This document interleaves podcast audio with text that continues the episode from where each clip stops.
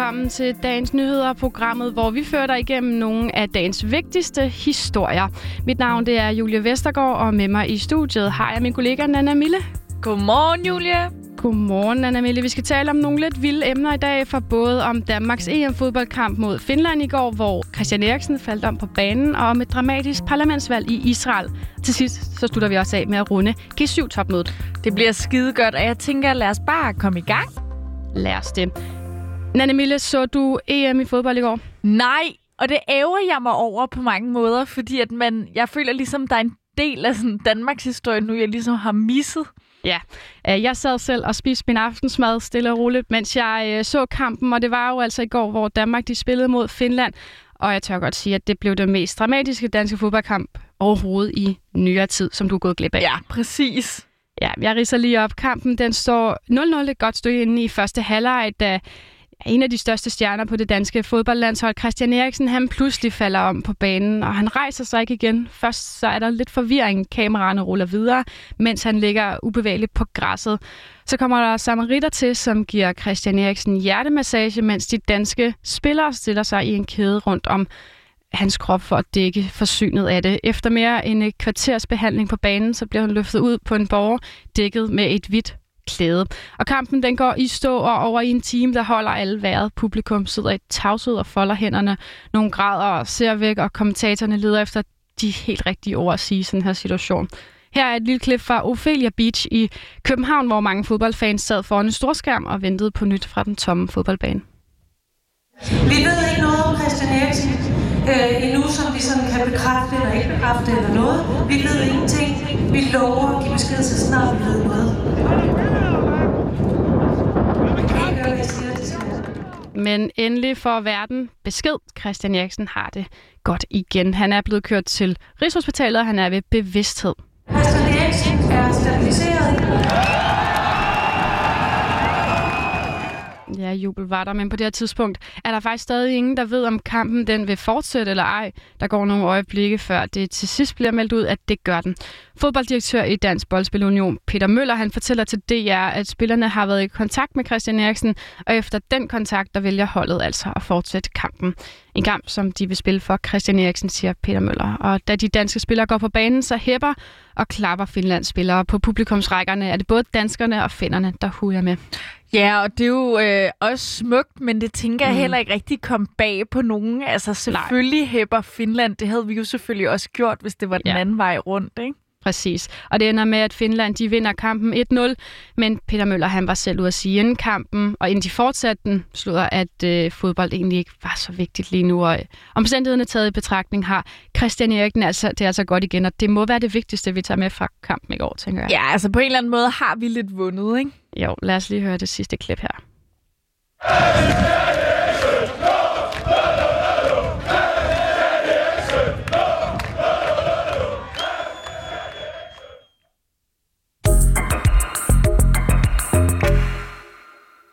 Ja, så skal vi altså lige til en helt anden sag, men som faktisk også er ret dramatisk.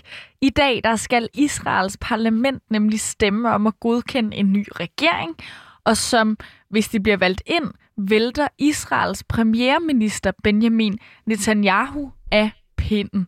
Ume, ja, ja, hvad tænker du om det? Altså? Ja, altså det lyder da... Øh, nu kender jeg jo lidt til historien, at han har siddet lang tid, men altså, jeg tænker, øh, den anden historie er måske lidt mere dramatisk, eller hvad? Ja, og så igen, altså, der er faktisk flere, der frygter, at det vil blive rimelig dramatisk. Du kan mm. lige prøve at høre, hvad vores Israel-ekspert, Jotam Konfino, har at sige til den her sag.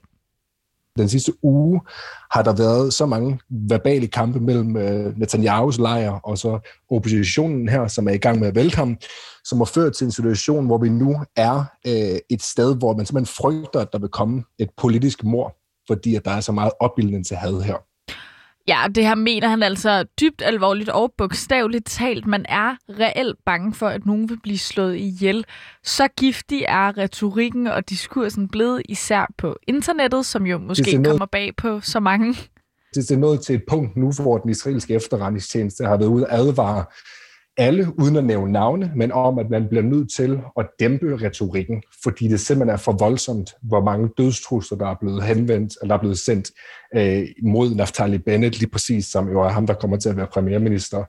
Så øh, der er utrolig dårlig stemning, for at sige det mildt.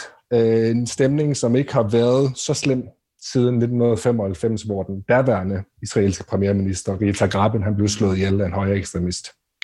Ja, og truslerne her kan altså godt ende med at få betydning for, om den nye koalitionsregering, der altså består af et miskmask af både højre- og venstrefløjspartier, faktisk overhovedet lykkes med at blive valgt ind. Der er teoretisk øh, set en chance for, at øh, Netanyahus lejr på en eller anden måde får lagt så meget pres på nogle af de her specifikt de højreorienterede øh, parlamentarikere, som er i gang med at danne den her regering altså, der er så meget pres på dem, at de håber, at de til sidst vil bukke under, så, og så enten ikke stemme for, øh, hvad hedder det, regeringen i morgen, som de ellers har sagt, de vil, eller simpelthen ikke dukke op. Ja, det er altså også ekstra dramatisk, for hvis nogen af dem ikke dukker op til afstemning, så kan det altså ødelægge deres flertal. For koalitionen skal bruge lige præcis 61 mandater for at blive valgt ind, og lige nu har de, ja, lige præcis 61 mandater. Så hvis der er bare en eller to eller ja, tre, der bliver skræmt nok, og simpelthen ikke tør at stemme den her igennem, fordi de bliver stemplet som landsforrædere af højrefløjen, jamen så falder det hele til jorden, og så vil Netanyahu fortsætte med at være premierminister, imens der vil blive udskrevet endnu et valg, altså et femte valg inden for to og et halvt år. Men selv hvis vi så får i Israel den her nye regering, og det lykkes dem at blive valgt ind, så vil det nok ikke nødvendigvis ændre særlig meget ved Israels politiske situation. Partierne i koalitionen de får nemlig ret svært ved at blive enige om noget som helst. Jeg tror, de kommer til at sørge for at bare overleve. Det er en, en koalition af regeringer, som er så dybt uenige om så mange forskellige ting, lige fra religion til øh, det palæstinensiske spørgsmål, til øh, rettigheder for homoseksuelle. Altså, de er uenige om så mange ting. Det er meget, meget få ting, de er enige om. Det handler om at presse citronen så lang tid som muligt. Håb på Netanyahus korruptionsanklager, de, øh, eller hans retssag, den skrider frem med hastige skridt, og han på en eller anden måde fader væk, for så øh, på et tidspunkt at udskrive valg igen, og så gå tilbage til noget, der minder om en normal tilstand. Ja, men på trods af alle udfordringerne, så tror de fleste lige nu på, at Benjamin Netanyahu bliver vippet af magten i morgen. Det siger Jotam Confino. Men der er jo altid det arbejde vej, at når, når det er Netanyahu, som står og, og lurer, så kan der ske mange ting. Han er ekstremt dygtig, ekstremt erfaren og langt mere kynisk end hans modstandere. Og så skal vi også lige forbi G7-topmødet, som efter en uges møder bliver afsluttet. Og det har min kollega Anna lavet et lille indslag om, og det får du lige her. Der bliver talt meget om G7-topmødet i medierne i disse uger. Men hvis du, som mange andre, ikke er helt skarp på, hvad G7 egentlig er, så kommer en forklaring her. G7 er en forkortelse af Group of Seven, og det refererer til de syv lande, der deltager i samarbejdet. De syv lande består af verdens førende industrinationer, som i dag tæller Kanada, USA, Tyskland, Italien, Storbritannien, Japan og Italien. Desuden deltager EU ved G7-topmøderne som en ligeværdig spiller ved siden af de andre G7-lande. G7 blev oprindeligt stiftet i 1975 som et uformelt forum, der skulle samle ledere fra verdens førende industrivirksomheder til et årligt møde, hvor der kunne diskuteres politik på tværs af landegrænser. I dag har de årlige G7-møder udviklet sig til en vigtig politisk begivenhed, hvor der udarbejdes politiske løsninger på nogle af de største globale udfordringer. Og selvom de beslutninger, der træffes inden for G7, ikke er juridisk bindende, så har de stadig en stærk politisk indflydelse. Mange af de beslutninger, der træffes, bliver nemlig senere taget op i G20, der består af de største 20 industrilande verden over, og fører ofte til afgørende politiske aftaler og lovgivning på alt fra klimaområdet til skattepolitik. I år foregår G7-topmødet i England, i byen Cornwall, og et af de vigtigste punkter på den politiske dagsorden i år er klimaet. I år har G7-landene blandt andet aftalt, at pandemier skal kunne slås ned i fællesskab inden for 100 dage, og så vil de gerne lave bedre infrastruktur i fattige lande. Og her har Dorte Lindegård Madsen, som er generalsekretær i organisationen Ingeniører Uden Grænser, et bud på, hvor de skal starte, og hun ser særligt mod Afrika. Det handler om helt basal infrastruktur. Det handler om adgangsveje, så man kan sælge sine produkter. Det handler om, at man kan drikke rent vand, så man ikke er i knæ fra starten, for så kan man ikke snakke udvikling. Og så handler det om at få noget energi, noget bæredygtig strøm, for der er et mega potentiale i Afrika, men det er overhovedet ikke udnyttet. Ja, og her er det vigtigt, at G7-holdet de får sat sig ind i, hvad landene egentlig har brug for, mener hun. Fordi hvis man bare laver mega infrastrukturprojekter, og det er nogle få centrale erhvervsressourcer, der høster gevinsten, så fremmer det jo ikke befolkningens øh, ved og vel og udvikling. Vel? Så der man skal jo sikre sig, at de her puljer og de her midler bliver, bliver brugt på en måde, så det fremmer bredt i de lande, hvor der investeres i. Der skal være et spilloff ind i landet.